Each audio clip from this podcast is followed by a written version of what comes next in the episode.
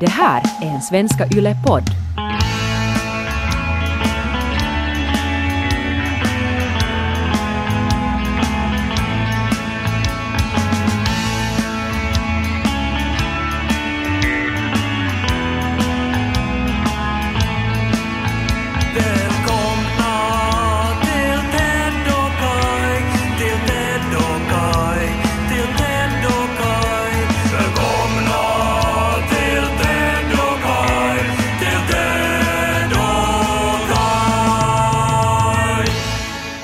Hej Ted!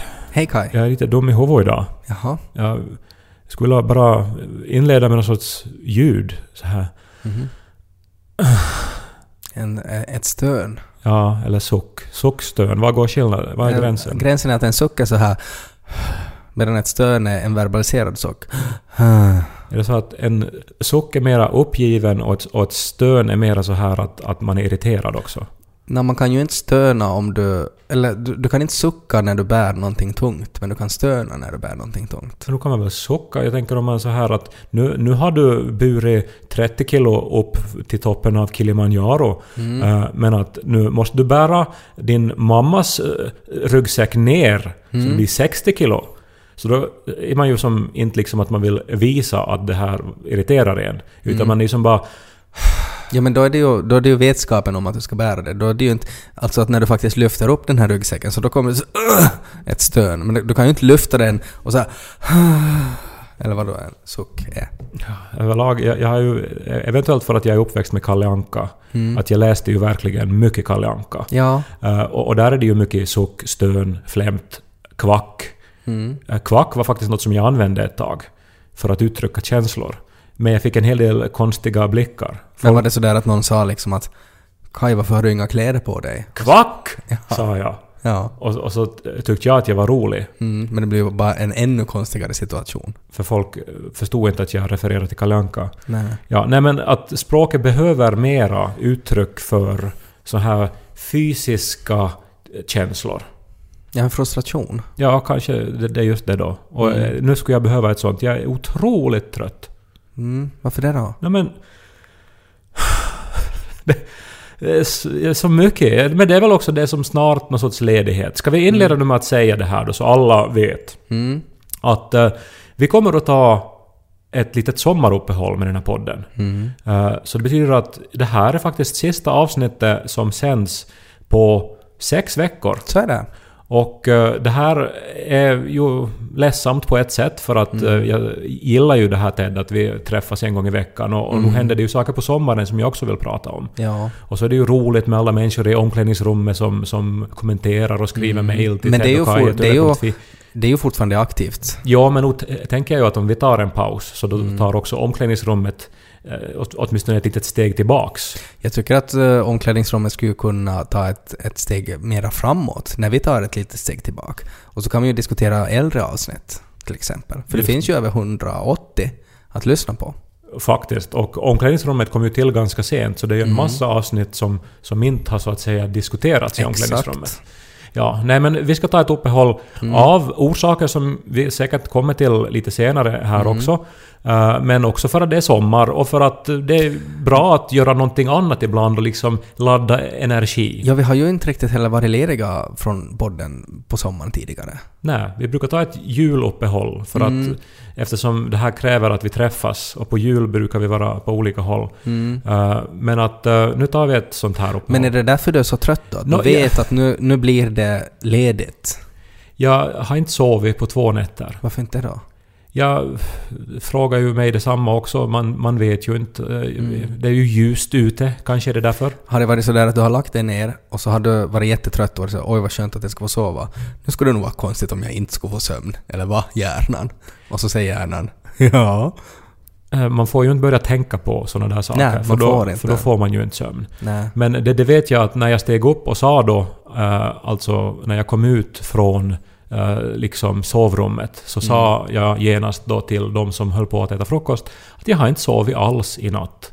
Och genast sa Nikos syster att nej men förstås inte, det var ju fullmåne. Och det, Du hade så här köttslamsor i mungipan och man såg att du var en varulv alltså. Ja, du tänkt så. Mm. Jag tänkte kanske mera det här som man ibland hör då, att man sover sämre när det är fullmåne. Som jag aldrig har trott på. Men Mm. Nej. kanske det var för den orsakens skull. Ja. Men otroligt trött. Eh, Fuck fullmånen. Också en t-shirt. fuck fullmånen. Vem Mm. skulle bära den då?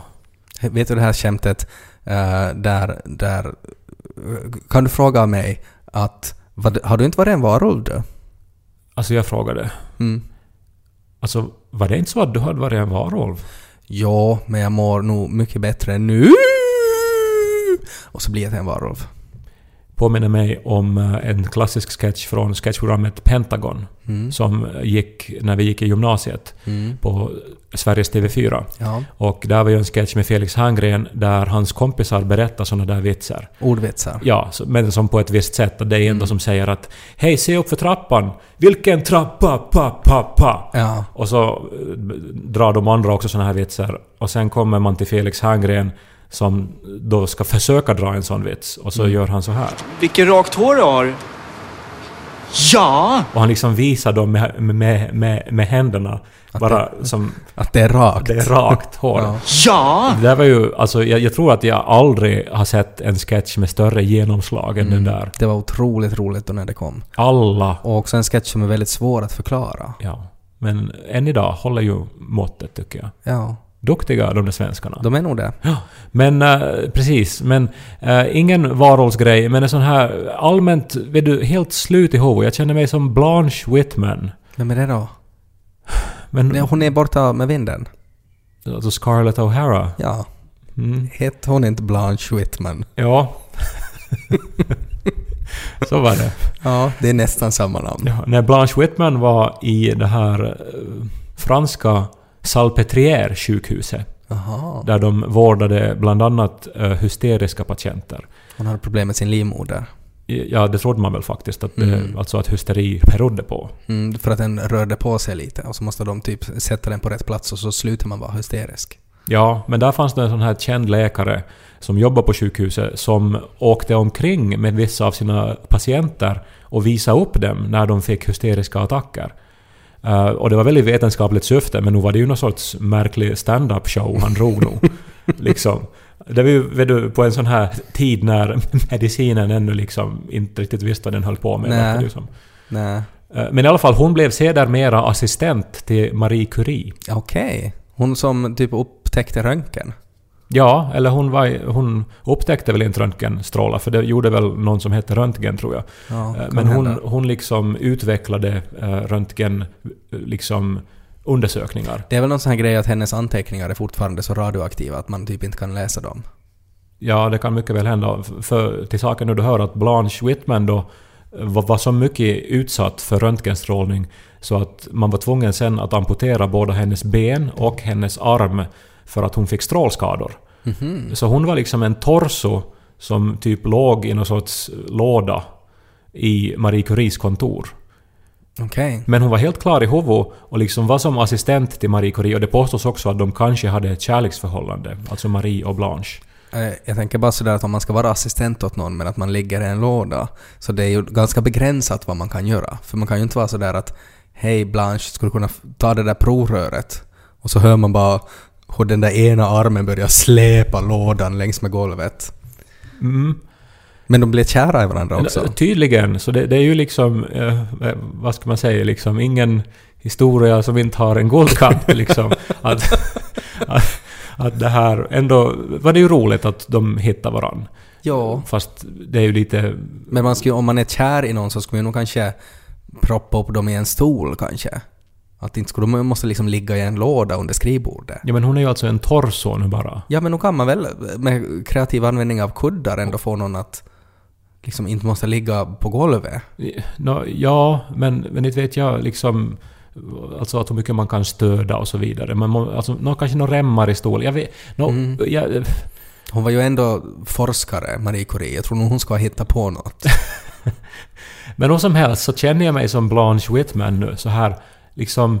eh, Som om jag har liksom blivit strålad av solen förstås, men av jobb och, och, och, och ansvar och jo, jobb och att nu är jag trött och, och ligger bara och någon måste som flytta på mig om jag ska röra mig. Så du skulle, skulle egentligen hellre vilja ligga i en låda under skrivbordet? Nå, det känns som att det är nästa steg nu. Alltså att om jag nu inte liksom håller balansen på min skrivbordsstol så kommer jag att ligga i en hög på golvet. Mm. Och så får du föra micken till min mun om vi ska kunna banda dagens podd. Nej men det låter ju som ett trevligt upplägg. Mm. Välkomna till avsnitt 181 av Ted och Kai-podden. Puut vuossar botling Som tala sitso popna popkun Så vi popnödena popkun Så börjar vi lys på Ted och Kai På tal om det här med läkare som rådde runt hysteriska kvinnor som en sorts freakshow för jättelänge sedan. Så du vet ju hur eh, frisörer, eller kanske mest barberare, att de har den här, den här stången, den här polkastången som är så här vit och röd som roterar. Som en sorts symbol för att här finns någon som kan klippa ditt hår.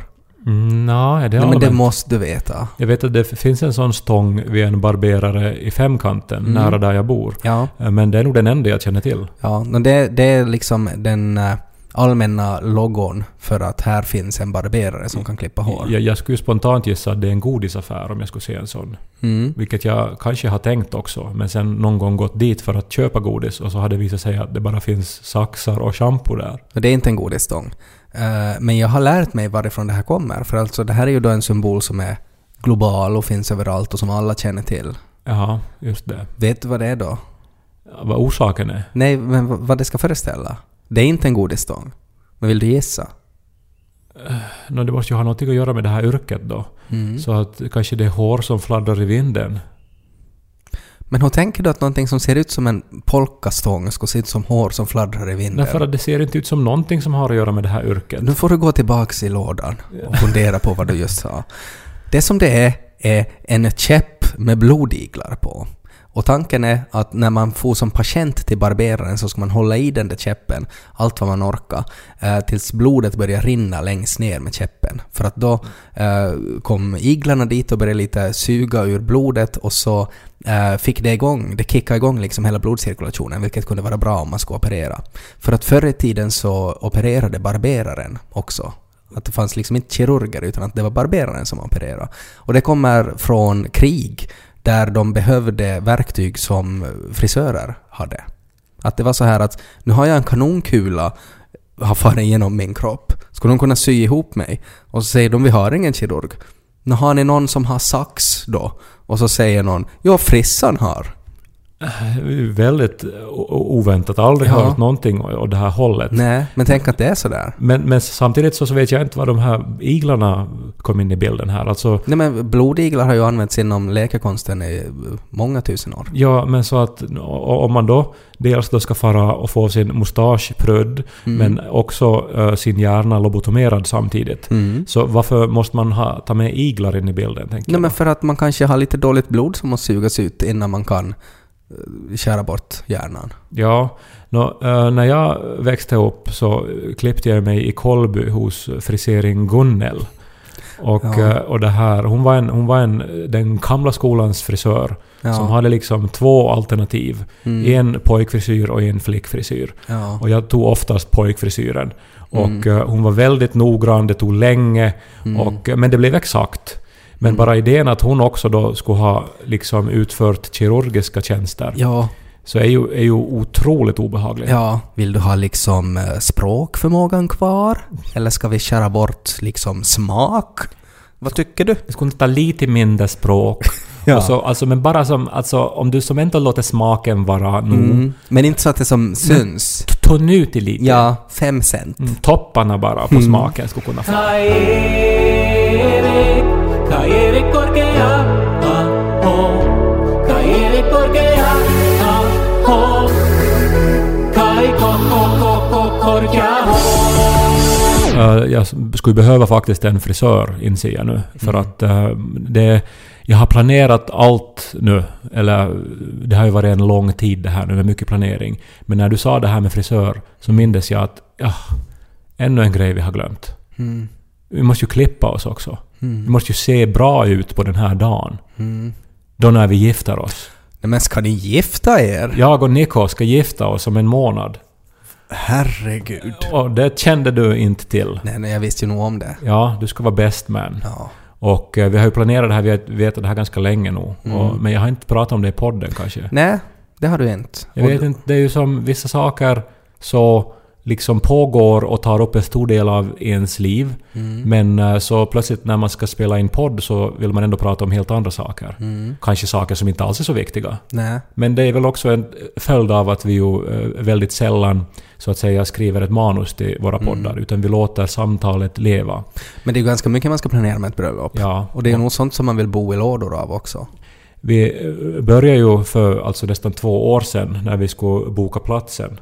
Och eh, redan för två år sedan så var Mm. Ja. nästan alla platser i hela Helsingforsområdet bokade för hela sommaren. Det är ju sjukt. Det, alltså, två, alltså att, att man måste liksom veta så länge på förhand eh, att man vill ha en sån här fest om man ska få ett populärt ställe. Mm. Ja, helt löjligt.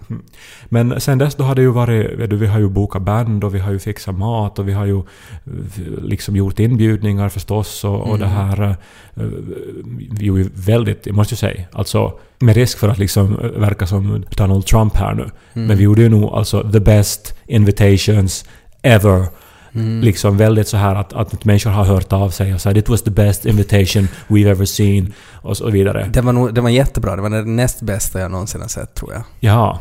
För att jag hade när jag fyllde 11 år så hade jag gjort eh, med clipart från programmet Corel Draw, alltså innan memes existerade, så hade jag gjort, eh, tagit bilder av en grottmänniska och en eh, sopgubbe. Och så hade jag med datorn satt dem bredvid varandra. Eh, och så satt jag i en pratbubbla och så frågade den där sopgubben ”Vart är du på väg?” Hur grottman? Och så svarade grottmannen ”Har du inte hört? Ted fyller 11 år onsdagen den 11 maj. Kom du också?” Och att det var på något sätt det där 11 och 11 tror jag jag hade satt i Comic Sans, liksom så att det stack ut sådär. Eh, ändå alltså väldigt liksom kreativt för att vara 11 år. Mm. Eh, jag, jag skrev ju bara sån här ”Välkommen på mitt kalas” och så hade jag du, kalas ett, alla bokstäver med en egen krita, så det var Mm. olika, det var festliga färger. Jag tror det var jättebra att du lät Nico designa liksom ert bröllopsinbjudan. Ja, och vi, vi, vi, har, vi la ju mycket tid på det här. Vi har, Mm. vi har varit till, till det här nya biblioteket i Helsingfors där de har en 3D-printer och Mm. printat ett sigill. Och så hade vi så här lack och stämpla och grejer. Mm. Det var ju fantastiskt Det var kreativt tyckte vi. väldigt... Ja, det var jättekreativt. Och människor har ju eh, responderat på det här. Mm. Eh, Vi blir ju alltså långt över 100 människor.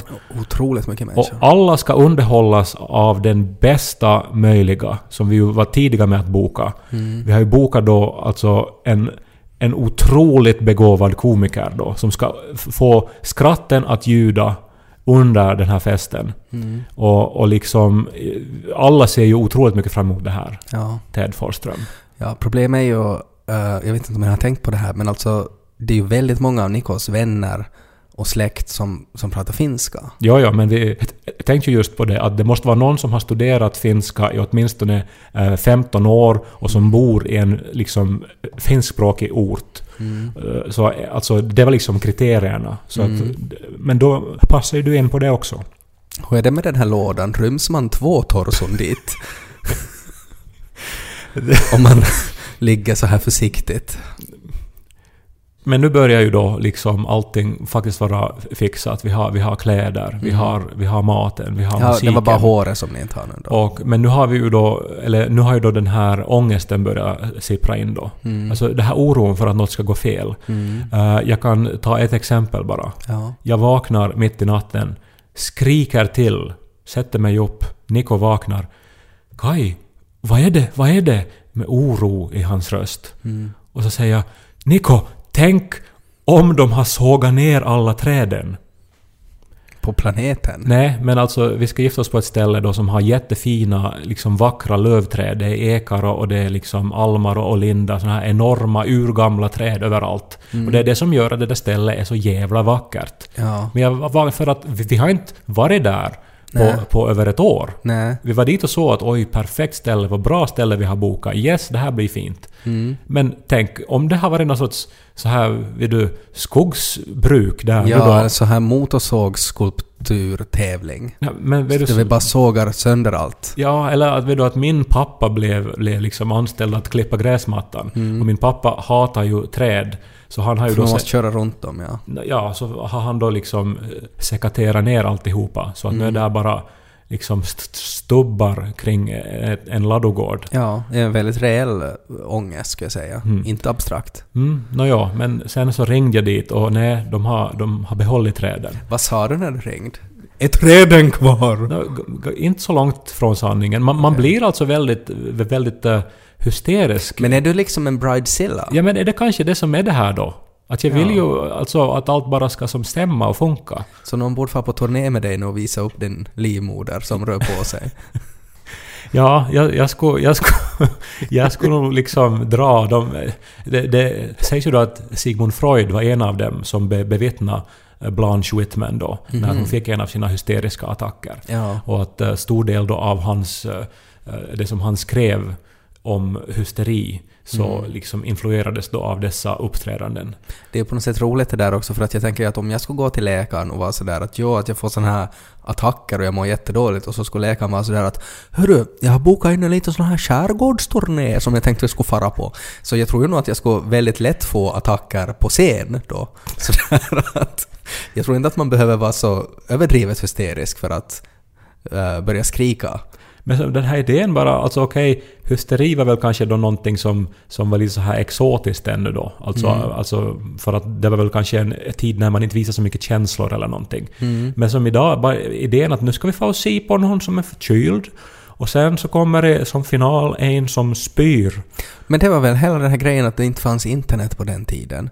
Och då var det på något sätt mer sådär att, att titta på dem där, de är människor men de är inte som du eller jag. Ja, Och det de, var som en stor grej. de har liksom utslag och Mm. eksem. Mm. Ja, jag, jag försökte se i dina ögon om det här är någonting av det du har planerat som vi ska få njuta av på bröllopet. Under bröllopet. Ja. Att jag skulle visa upp dina eksem. Nej men, inte nu mina eksem, men någonting så här utöver det vanliga, något som ingen har sett förr. Det är ju det som är grejen också, att om man på något sätt utgår från att jag ska vara lustigkurre på ett bröllop, så jag har ju alltså ingen erfarenhet av underhållning på bröllop whatsoever. Jag har ju kanske varit på typ tre bröllop i mitt liv, och då är en av dem var liksom när jag var 12.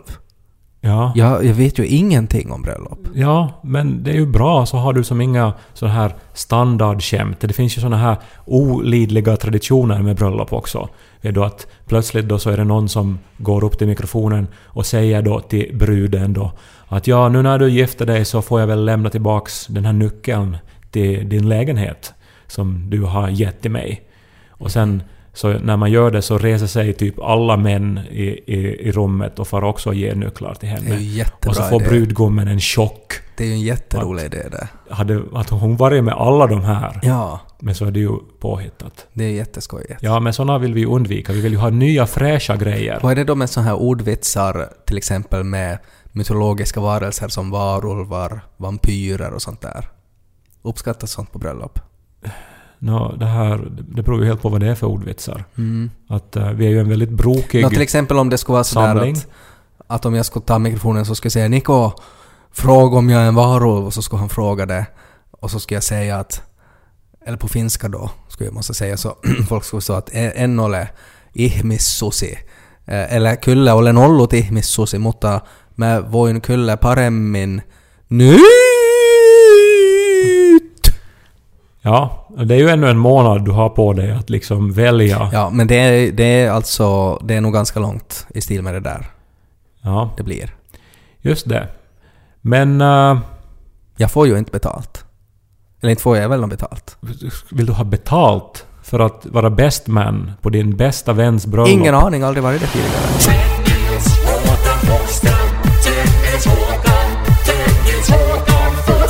Det är ju Pride-månad. Mm. Happy Pride kan vi väl önska. Det kan vi. alla.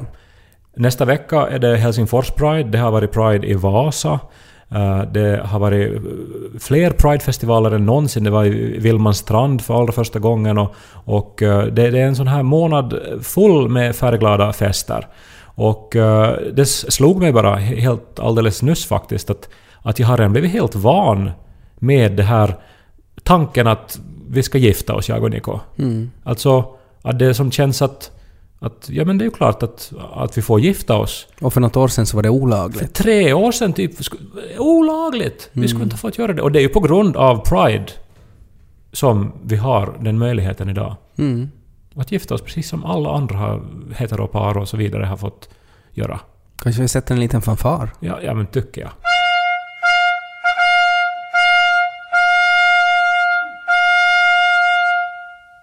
Så happy Pride. Ja, vad ska du göra på dina lediga sex veckor då? Eh, jag ska säkert... eh, jag ska väl eh, skriva otroliga skämt på finska. Bra, bra. Mm. Vad roligt. Oavlönat arbete. Tänk vilken ära Ja, det är det. att få vara bäst man. Alltså den, Otroligt. den närmaste är det ju ändå. ja. Och att du också liksom får ansvara för stämningen. Att liksom du är Mm. För Ted dirigenten Forsström. för den här festen. Har Ted Forsström som dirigent för stämning. Det är det bästa. för jag skulle ha lust att säga att när det är tillräckligt mycket folk så skulle jag vilja blinka med lamporna och säga att nu får ni gå hem, att nu är vi för många i den här lokalen. när eh, det här John Cleese skulle uppträda i Globen så var det någon eh, svensk tidning som hade satt en annons och så fanns det liksom en beskrivning av honom som att han är humorens Beatles. Och, det, och det som var roligt där var ju att det stod fel, alltså humorens Beatles. Det, jag vet inte vad det är för språk men, Ja. men, men det var någonting som fastnade i hjärnan. Så att vi kan väl säga att du är humorens Gustavo Dudamel.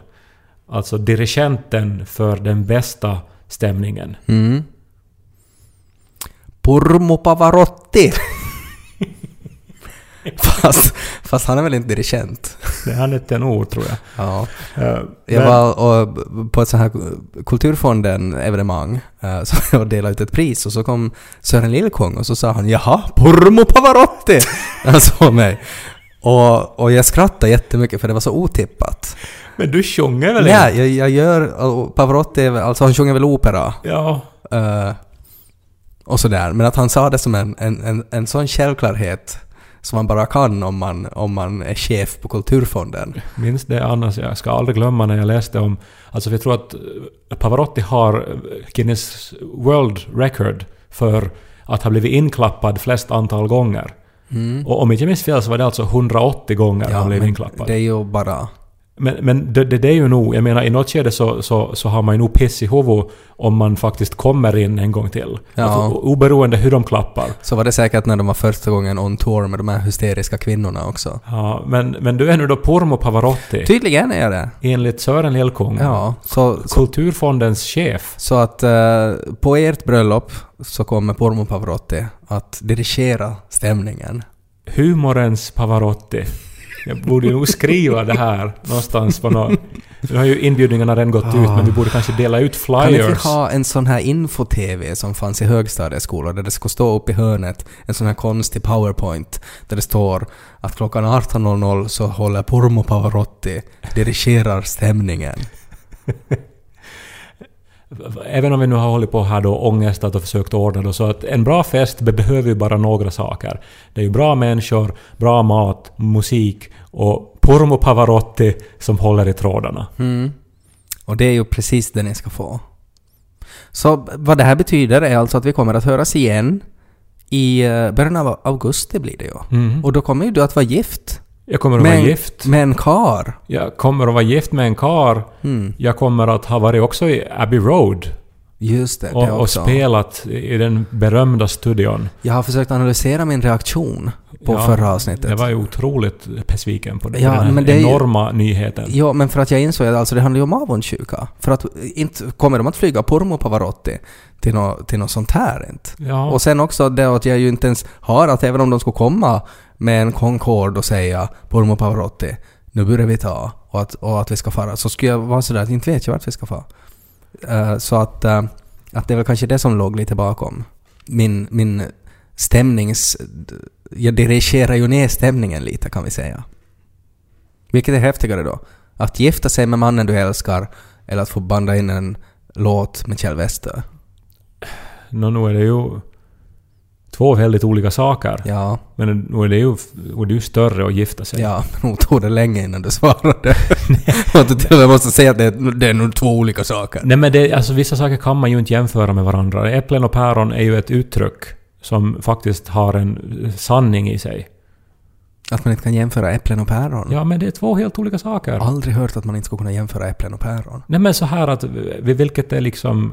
Borde det inte vara liksom äpplen och apelsiner då? För äppel och päron är ju typ samma genus, eller vad det heter. Nej, nu jämför du ju äpplen och päron. Ja, ja. Kommer att skita sig i det här bröllopet om Pormo Pavarotti ska dirigera stämningen. Vi hade en gång en katt som hette Figaro eh, och sen när jag skulle locka in honom så stod jag på trappan och så skrek jag Figaro, Figaro, Figaro, Figaro, Figaro. Men det måste vara det som Sören Lillkång har hört någon gång. och så minns han det 20 år senare. Ska det skämtet hålla på bröllopet då? Vad är det på finska då? Mulla oli joskus äh, semmoinen pieni kissa ja sen nimi oli Figaro ja mä, mä seison äh, siellä laiturilla ja mä, mä hu- huusin, että Figaro, Figaro, Figaro, Figaro. Nyt tulee vähän kakkua.